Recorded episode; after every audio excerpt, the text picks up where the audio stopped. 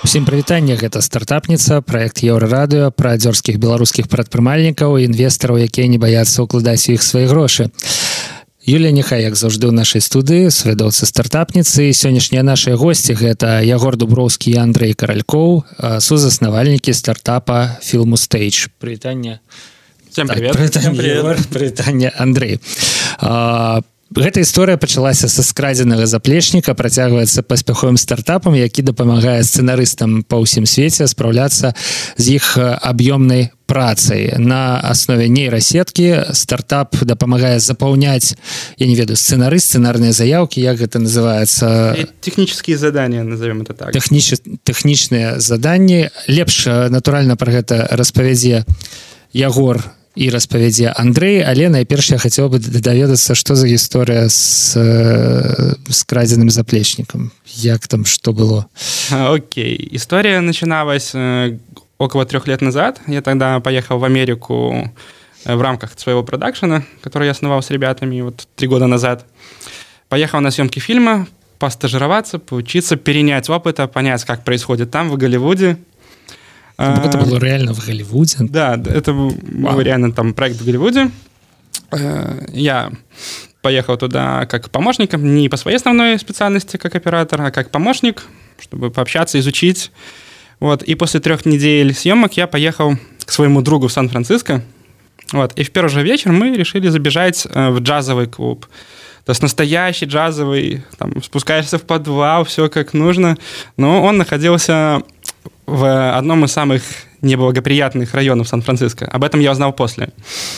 Вот. Э, джаз был крутой, но это оказался самый дорогой джаз в моей жизни. Там десятки тысяч долларов он мне стоил. Потому что в моем рюкзаке находились документы, ноутбук, камера, объективы, все жесткие диски, деньги, вещи, все, даже носки украли. И ничего с этого не знаешь. Ничего, ну, ничего я, не нашли, да. Угу. То есть еще самое интересное, когда мы туда пришли, там уже стояла полицейская машина. Мы думали, странно, почему здесь стоит полицейская машина?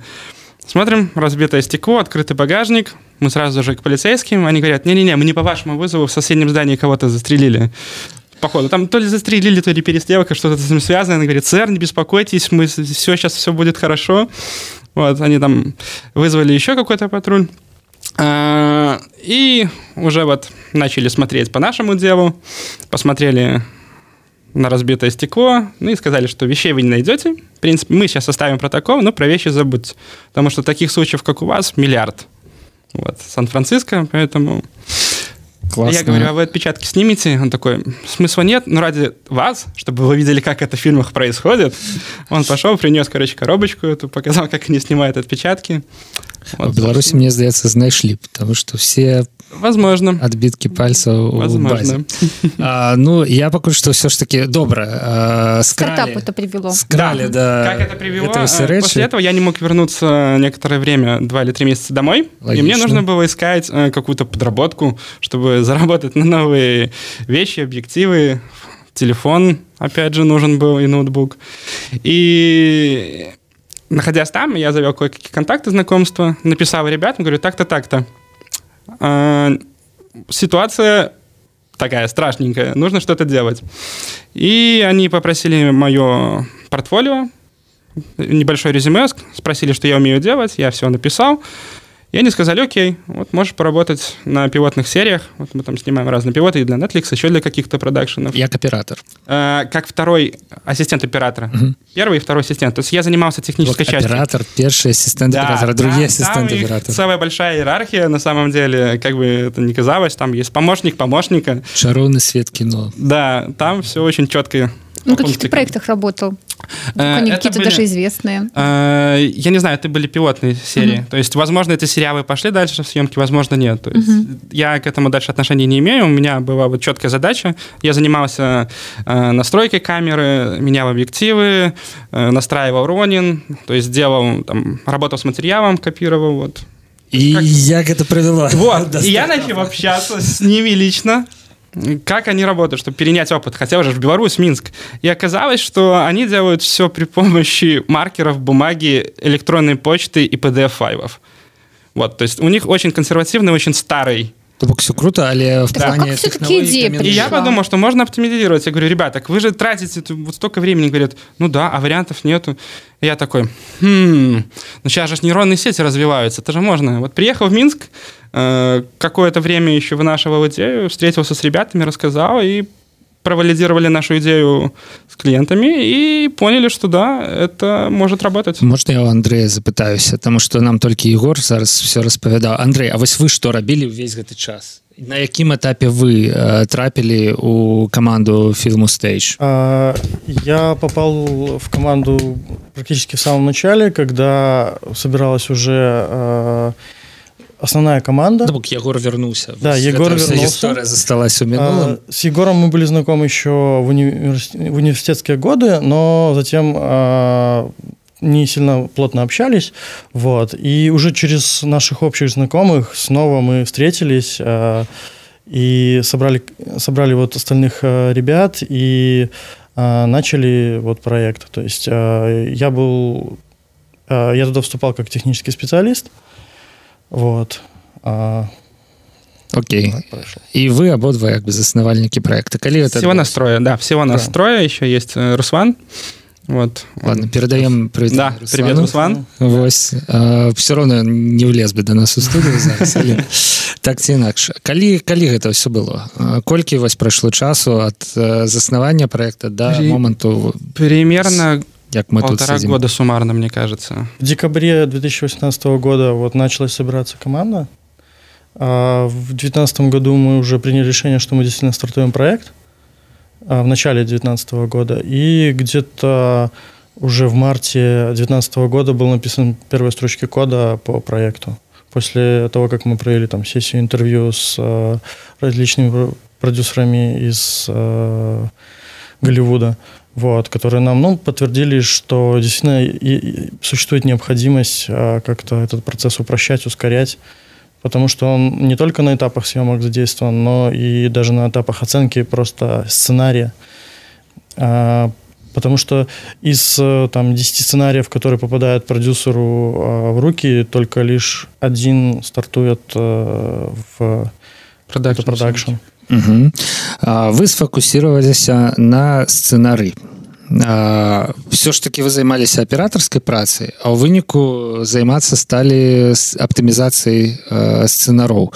А як гэта адбылося і ну вось наколькі вам атрымалася рэальна ацаніць рынок гэтых запатрабаванасці да такого проекта по поводу того, что я вот был оператором, э, когда ты основываешь свой продакшн, тебе приходится заниматься, по сути, всем. От написания сценариев, от продюсирования, кастинга актеров, может быть, даже немножко порежиссировать.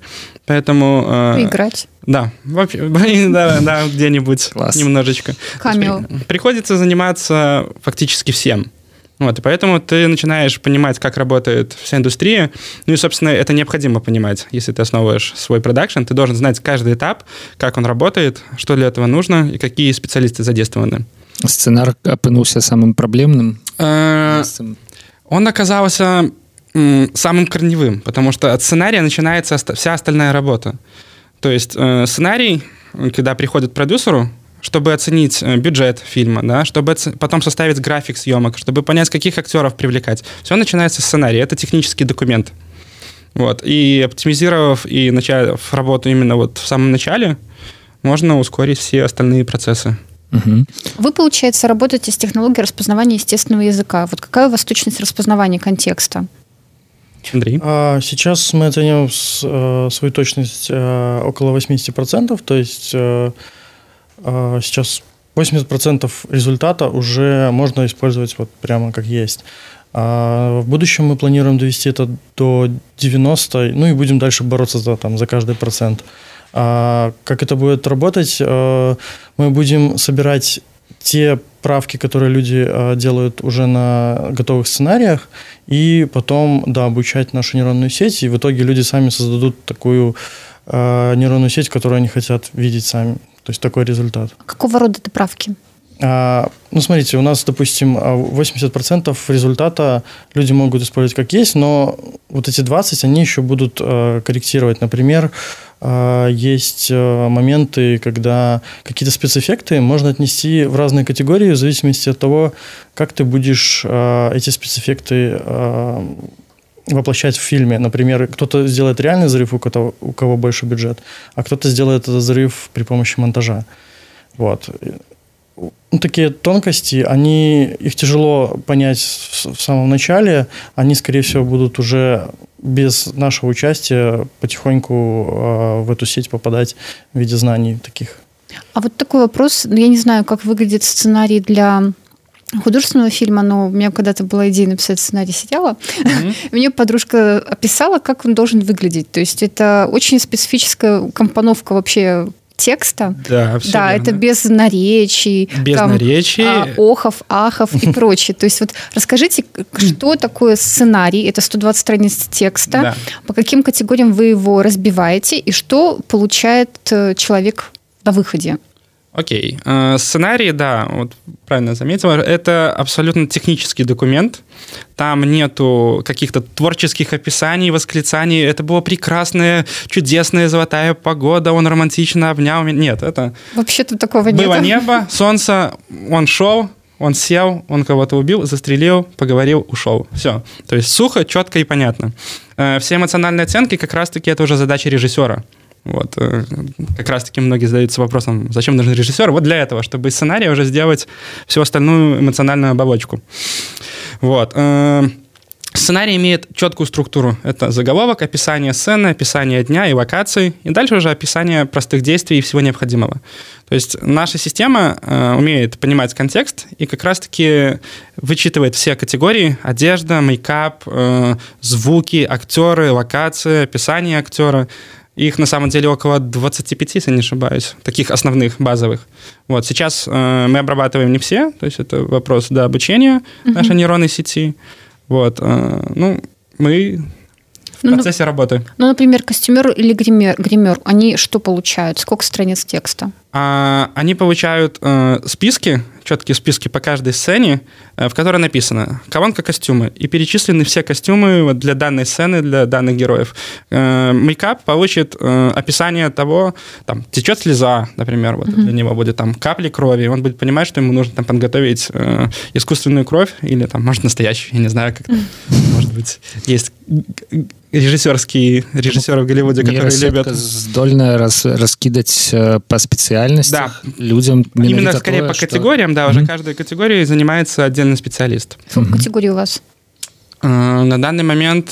У нас около 16 сейчас да. распознается. Mm-hmm. Вот мы будем еще доводить там, до 20 стандартных, там, до 25. И сколько у вас, э, сколько сценариев э, вы использовали для обучения нейросети? Большое количество. Более... Да, более 300 сценариев mm-hmm. мы распознавали. А мы организовали, так сказать, отдел вот, людей, которые работали... Около 15 а, человек. Да, около 15 человек работали над разметкой вот этих сценариев. А чем хорош Голливуд? Тем, что практически каждый сценарий, который фильма, который уже отснялся, он э, в общем э, доступе. И мы нашли большое количество сценариев э, и смогли их сами разметить, руководствуясь там правилами разметки, вот потом сверяя там между собой эти все. То есть у нас каждый сценарий размечало несколько человек, мы потом смотрели, все ли люди правильно, одинаково все поняли, все ли люди э, понимают правила, и, возможно, наши правила там до конца ясные, и надо их там перерабатывать. То есть мы разработали такую целую систему вот обучения разметки сценариев. Да. Получается, что все это в целом в открытом доступе? Сценарии сами, киносценарии ну, или... Вот, ну... Да, Нет, киносценарии... Киносценарии, да. Большинство mm-hmm. киносценариев, снятых фильмов. Интересно. Но мы их потом вручную сами размечали, то есть mm-hmm. делали всю ту работу, которую делают mm-hmm. люди, фактически оказались в роли ассистентов режиссеров mm-hmm. на долгий период перыяд мне, да. мне здаецца что 300 сцэнароў гэта не так і шмат асабліва параўнанні з аб'ёмам вытворчасці які там ёсць у Голливудзе Як вы выбіралі якія сцэнары абсолютно абсолютно, абсолютно наугад не даже по алфавиту там якую-нибудь взять сценарий имеют мы, мы триера да не, не, не, не принципова вообще не принципиально да вообще не принципиально это не имеет значения больше складанные на хутчэй есть там да да да были сценарии некоторые очень простые а, как и по языку самому, а, так и по структуре, по всему. Но были сценарии, над которыми приходилось действительно там кропеть просто днями. И, ну, это тоже была проблема оценки производительности, потому что вот на одном сценарии можно сделать много работы, на другом можно просто Меньше. застрять. И в какие-то нюансы, например, я помню, был сценарий про каких-то спасателей, подводников, и там было очень такой профессиональной лексики, как там какие-то зацепы, крючки и так далее. И даже в интернете иногда очень сложно найти значение этого слова. Это приходилось копаться там на профессиональных каких-то форумах, чтобы выискать, что же это за деталь, ну просто для себя понимать, что ты действительно правильно. Это не спасатели Малибу были? Наверное, нет. У меня еще история вот... Э, про Джокера? Нет, про вот по поводу разметки. Одна из девочек все время жаловалась, что ей попадали сценарии, где постоянно кого-то убивают, куча оружия, какие-то экшены, боевики. И к концу работы, где-то спустя три месяца, она сказала, что я уже, в принципе, разбираюсь во всех видах холодного оружия, огнестрельного, смогу собрать э, ядерный реактор, если вдруг понадобится. То есть очень забавно совпало, что вот ей как раз все прилетало. Слушай, ты вот говорил, что э, Джокер у вас один из самых любимых сценариев. Почему? А так сложилось, что э, он, во-первых, наш счастливый. Мы его распечатали для мероприятия, если не ошибаюсь, День инвестора. Это был один из первых наших спичей.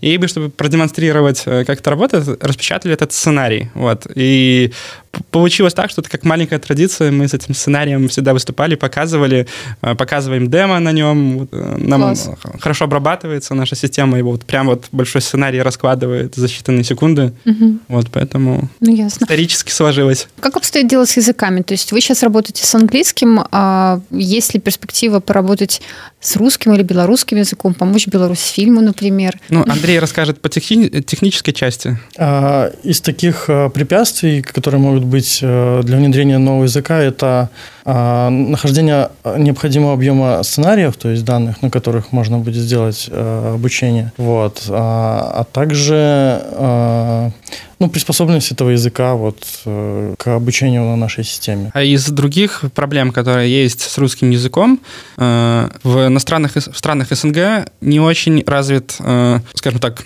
процесс работы именно в формальный, чтобы это придерживаться определенного формата, определенных правил, чтобы сценарий выглядел вот так вот четко, как в Америке, mm-hmm. вот, что вам рассказывала подруга, mm-hmm. что это должен быть такой сухой, написанный документ. А, в русских версиях сценариев очень часто эмоциональные оттенки, э, эмоционального подтекста, то есть каких-то эмоций лишних. Там как раз расписано. Да, как раз расписано более подробно, то есть где это не нужно, то есть где-то присутствует большое количество вольности, в отклонений, пометок и прочего. Вот. Для нашей системы это может быть проблемой, системой, потому что мы обрабатываем данные, а системе будет сложно иногда понять э, эмоциональные какие-то описания и окраски. Ну, это скорее будет проблемой для людей, которые будут дальше с этим работать, да. а, потому что а, все эти вот эпитеты могут к ним подгрузиться, и они будут не знать, что с ними делать. Угу. Да. А вы адразу таким чынам фокусуецеся на заходні рынок англоговорящий Англо, англомоўны а, як можна ацаніць яго перспектывы хто зараз карыстаецца э, стартапам колькі гэтых людзей калі гэта не камерцыйная таямніца не коммерческая нет мы решили стартовать очень плавно потому что э, хотели протестировать вообще нагрузку нашей системы поэтому а, мы немного ограничили вход а, путем привлечения людей только по инвайтам вот далее мы размещали посты в профессиональном профессиональных группах в Фейсбуке, и уже когда видели, что действительно там интересно нам люди а, откликаются на них, именно профессионалы вот э, в нужной сфере, мы их а, приглашали, и они тестировали. То есть у нас а, на данный момент э, протестировало нас порядка там 100 пользователей, 40 из них активно с нами работают в плане, они нам отвечают, они нам присылают свои отзывы, свои поправки, пожелания, чего бы они хотели еще видеть. А... То бок вы зараз яшчэ знаходзіцеся на стадии ну, доведения продукта до ласта. Да, мы сейчас угу. на стадии бета-версии, вот, готовимся к релизу, мы получили фидбэки и, скажем так, набор э, функций, которые необходимы для того, чтобы люди могли пользоваться нашим продуктом. Про это расскажу чуть попозже подробнее. Это как раз-таки связано с хакатоном, на котором mm. мы ездили. Вот. Э, из э, таких э, примечательных кейсов у нас есть один вот из наших клиентов, который написал сценарий, он сам сценарист и э, продюсер, он написал сценарий фильма, этого человека зовут Мартин, сценарий, сценарий хоррор-фильма, он сделал брейкдаун у нас, посчитал все, и с этим фильмом поехал на фестиваль в Лас-Вегасе, и там его сценарий взял две награды, как лучший сценарий и как лучший будущий фильм, то есть вот две награды он привез. Вот ну, мы... и после пасля такого вельмі імаверна что гэта ператворыцца ў фільм да скорее всего это будет стопроцентно будет фильм и мы вот гордимся что он подготавливал съемки и делает все это при помощи нашего сервиса я как, как обстоит дело вот с возможными коллаборациями э, в плане с какими-то известными Том Андерсон ты говорил да э, мы общаемся вот Тимуру очень интересен наш проект мы с ним общаемся мы на стадии там согласования лицензии нашего продукта для его продакшенов. Вот. Э, коллаборации, да, возможны. Там то, что говорим, Пол Андерсон, Мила Йович. У нас есть партнер в Голливуде, который их близкий друг. Вот. У них была устная беседа по нашему проекту. Вот. Но сейчас у них немножко другие заботы в связи с рождением дочки. Mm. Вот. Э, поэтому мы к этому вопросу вернемся чуть-чуть позже. Вообще, как обстоит дело вот с технологиями в Голливуде? Э, в плане кино или вообще? В плане... Вот интеграции э, вообще технологий в кинопроцесс, искусственного интеллекта в частности? То есть вот у вас, ваш стартап – это один кейс, а с чем еще вот ты сталкивался? Есть такой нюанс, что киноиндустрия США достаточно консервативная. Там люди привыкли работать еще, вот как они работали десятилетия назад. Ну, какая, в какой стране она не консервативная в таком случае? Ну, там особенно. Там особенно, там чтят традиции. Мне даже кажется, что порой чересчур. Yes. Вот. А они очень с опаской относятся к новым технологиям. Они понимают, что они нужны, что это упростит их жизнь, сэкономит время, сделает, может быть, чуточку э, ближе к семье, потому что, на самом деле, все эти съемки занимают очень-очень-очень много времени. Вот. Но чтобы вот так вот взять, сказать, что, ой, круто, я сейчас прям буду пользоваться, нет. Это, mm-hmm. это сложный процесс интеграции, поэтому мы сделали как раз-таки по их запросам план внедрения, который не навредит их текущим процессам. То есть они будут работать привычно, как и работали до нас, но мы просто ускоряем им конкретный этап, там, с нескольких дней буквально вот до секунд. Бук можно сказать, нават, что они крыху сопротивляются прогрессу. Да, их консервативность э, объясняется тем, что каждая ошибка может там стоить несколько десятков миллионов долларов, если это действительно высокобюджетный фильм. И, допустим, если они что-то забудут, э, какую-то сцену подготовить, может просто сорваться съемки сцены, а это гонорары актерам и всей команде. А если это еще съемка за рубежом, то это огромная вообще потеря денег. Вот, okay, поэтому... працуюсь по принципе не треба ломать то, что... Да, работает, не трогает. Угу. Да, вот поэтому мы придумали решение. Вот есть э, такой популярный софт, не то что популярный, это киностандарт, называется там Movie Magic. Э, он написан был там, в 80 каких-то годах, и с тех пор он не менялся ни технологически, ни визуально, никак. Вот, и... Это софт для организации здымкаў таксама? Э, ну, по сути, да, для расписания. То есть, по сути, это большая Excel-таблица, куда ты вносишь информацию, сценарий вручную, перепечатываешь, либо с листочка. На самом деле есть еще очень много людей, которые читают сценарий, маркером отмечают, а потом перепечатывают это все руками вот в эту вот программу. И фишкой номер один все просили, вот сделайте, пожалуйста, экспорт вот в эту программу. Mm-hmm. Мы с радостью готовы ускорить наши процессы, но нам нужно работать дальше. Mm-hmm. Вот.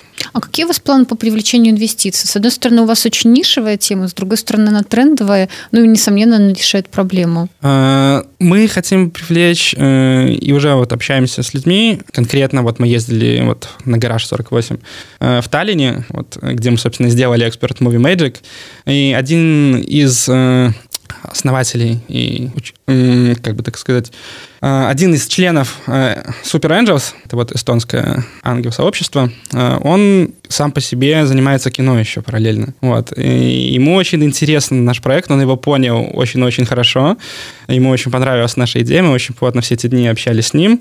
Вот. И, собственно, я предполагаю, что он объяснил все непонятные вопросы остальным членам жюри, и нас очень тепло и радушно приняли, и мы заняли первое место, потому что э, это человек близок к кино. Вот. И, собственно, кого мы ищем из инвестиций, это людей, которые связаны с кино, которые очень хорошо понимают вот эту вот индустрию, всю ценность этого продукта. Мне здаецца, что человек, які не близкий до кино, ён увогуле не зразумее Нет, оно, ну, что они, дзеля оно, это все мы с этим сталкивались, да, но пять минут разговора и все становится понятно. То есть э, цель очень простая. У нас есть э, работа, которая делается неделю, мы ее ускоряем до секунд. То есть это, в принципе, все, что угу. нужно знать. Монетизация? Мы берем плату за экспорт. То есть сам продукт у нас бесплатный, ты можешь загрузить сценарий, посмотреть на результат, увидеть все разбитые категории, э, сделать какие-то правки по необходимости. Но чтобы работать с этим дальше, там, составлять бюджет расписания, нужно это экспортировать в другие программы. Можно пофоткать экран? Нет, пофоткать-то можно, но экспорт нужен в определенных форматах. Угу. То есть э, это какие-то... Как раз-таки этот Movie Magic, Андрей, расскажи про этот файл. Mm, да, это было наше такое препятствие, а, потому что ну, мы сразу же э, посмотрели, куда мы можем а, наши данные дальше передавать. И, естественно, хотелось вот в, к стандартам привязаться. Но этот файл был бинарный, просто случайный набор байт. И ну, было очень тяжело понять с первого взгляда, что там происходит. А, я даже связался с создателем этой программы. А, вот, он... Еще живы? Да, он еще живой, я желаю ему здоровья. Вот. А, наш тяжкий час. Он, да, он очень тепло нас принял. Тогда мы с Русланом были вместе на звонке, и он был вообще удивлен, на самом деле, что кого-то интересует этот файл сейчас, потому что он был написан там в 87 году. А, и он, ну, он, к сожалению, сказал, что, ребят, я просто не помню, что там и как. Я уже... Это было так давно, да что вообще не могу вам подсказать. Я попробую поискать что-нибудь. Ну, в крайнем случае, если уже то совсем вы не сможете никак, я, может быть, вам код свой пошарю. Он говорит, ну вы же откуда там, с Беларуси? Вы же русские хакеры. Вы не можете взломать простой файл. Вот. А, Собственно, мы его... Собственно, с этой подачей, да, и как бы мы решили, что да. Вызов принят. Да, вызов был принят, и а, как раз буквально через несколько дней нас позвали на хакатон, и мы решили, что мы туда поедем. Ну и как не взяться на хакатоне за этот файл? Да, мы взялись, вот. сделали и победили. Это який хакатон? А, гараж 48, да. 47? 48, 48, 48 да. Угу. А, а гэта ізноў жа гэта быў хакатон прысвечаны не праектам пра кіно абсалютна розны былі да. абсалютна разныя праекты і ваш э, выйграў да. які праекты ну цікава калі вы памятаеце якія праекты ён абышоў? Ну так у двух словах Видать, так само были люди приехали. Ты? Да, там э, по, по большей части там были как раз таки эстонские э, Шей эстонцев обули на эстонской земле. Да, да так, так, нам так, еще, наверное, долго припоминать будут. Так вышло. А, там было очень много проектов из Эстонии, которые были уже ну, довольно-таки... А, они были уже довольно-таки сильные, они были подготовлены, они плотно работают с этим фондом, а, и мы как бы видели, что конкуренция довольно, довольно-таки большая. У ребят поставлена речь при выступлениях уже, у ребят уже есть все метрики необходимые, у ребят процессы налажены, и, ну, многие из ребят уже выступали не первый раз на, на этих хакатонах, уже получали какую-то поддержку, выигрывали какие-то а, вот бонусы а, от Super Angels. И то Было довольно-таки сложно конкурировать с ними, а, но мы действительно отличались а, тем, что мы немного из другой области. А, из интересной области, да. Да, из такой развлекательной большой области, что ну, немножко нестандартное решение, что у нас речь была там с шуточками, прибауточками, с рассказами из жизни. Вот. Ну и как отметили вот э, и жюри, что мы нашли реальную проблему, которая есть, есть. Вот именно на самом хакатоне. То есть мы очень плотно пообщались эти дни еще с нашими клиентами. Причем даже некоторые из клиентов э, с нами общались прямо на съемочной площадке и говорят, так, ребят, у меня 5 минут, давайте быстренько. Угу. Вот. Э, и мы реально услышали их, реально взяли вот эту вот задачу и сложную, непростую, и реально за три дня ее воплотили и показали на демо-дне. Слухайте, ну вось хотел я запытаться как раз про шуточки, прибауточки и размовы с инвесторами. Я так разумею, что на белорусских инвесторов вы э, мало глядите тому, что э, продукт цалкам арыентаваны э, на іншыя прасторы і гэтай прасторы там таксама есть шмат інвестараў. А вось на мінулай праграме у нас быў стартап з галіны секс-тех і mm -hmm. яго заснавальнік казаў нам што слова секс калі кажаш інвестару ён ну як бы пачынае усміхацца радавацца але грошай не дае. А вось са словом Голливуд гэта працуе у іншым накірунку. То бок можа кажа Голливуд і адразу Вау класс я несу вам чемодан грошей мы общаемся и в Минске в том числе и mm-hmm. с нашим ангел, ангельским сообществом mm-hmm. вот. Angels Band. да и Angels Band и с другими частными инвесторами Э, но я все-таки вижу, что, наверное... Ну, не фокусное для вас. Да, там. да. Частично это привлекает, особенно на да. первом этапе, ну, когда расскажешь о проекте. О проекте. А, но дальше мы пытаем, ну, как бы, когда углубляемся в проблему, очень тяжело э, людям, не посвященным это все, понять рынок. Потому что э, никто в этом не участвовал, этот рынок далеко от нас, и вот эти все проблемы, они очень далеки от нас. А, поэтому люди ждут э, подтверждений, люди ждут каких-то цифр и так далее. Вот. А, поэтому, естественно, люди из э, Голливуда, они поймут нас намного лучше. И понимают, и понимают ценность. Вот, собственно, пример вот э, с этим гаражом 48, когда вот был человек прямо из индустрии, он прямо вот нашу идею очень сильно заценил и понял, что мы делаем реально полезную вещь. Бок я от старта помылился у чым. Мне падавалася, што складана патлумачыць, што робіць стартап. Насамрэч гэта проста, але вось э, патлумачыць рынок і запатрабаванасці да. да. нашмат больш складана да, для да, тых, да. хто сам не ведае гэты рынок не ўключаны ў яго. Ну, цікава Ну а робіць все ж таки гэтае слово Голливуд нейкая магічная конечно это всем интересно все хотят да да да окей у меня такой вопрос а, тоже на тему наши люди в Голливуде то есть ну реально это очень такой классный кейс а можете как-то ну, рассказать я не знаю ваши правила нетворка то есть ну реально сидя в Беларуси вообще не думаешь про Голливуд это невозможно в принципе там как-то я достучаться я на самом деле будучи в Америке понял что все это работает очень хорошо. Как я вообще завел там контакты? Я просто ехал, вот, живу у друзей в Лос-Анджелесе, я ехал домой, чтобы переодеться. Там были съемки. Я просто подошел к ним и говорю, ребята, а что вы снимаете? И такие, ну, для Амазона. Я такой, класс, а кто у вас там режиссер, где они там? Ну, вот там. Я говорю, а можно подойду? Не знаю, ну, дождитесь, пока дубль снимут. Я дождался дубля, пошел в наглую туда, говорю, привет, как у вас дела? Круто, а ты кто? Я говорю, ну, я вот с Беларуси, у меня там продакшн, тоже занимаюсь этим. О, здорово. Можно с вами потусоваться? Он говорит, да, только, пожалуйста, ничего не постишь, чтобы спойлеров не было в интернет. Потусуйся, пообщайся. И я, в принципе, познакомился с режиссером, с продюсером, со всей командой, то есть э, до сих пор мы там с ними общаемся. Бок вот это работает легко. просто. Очень просто. На Беларусь-фильме такое не отрымается. Это не. на самом деле это все очень просто. На вахтершу не найдешь. Да. но если говорить о контактах вот именно пока мы сидим здесь, то э, поначалу было очень тяжело, потому что хотелось сделать очень много попыток с, э, найти этих всех людей, и многие тебя просто игнорируют. Во-первых, они очень заняты, эти все э, фильмейкеры, и во-вторых, э, они как бы тебя не знают, не видят, видят, что ты из Беларуси, и это тоже отпугивает.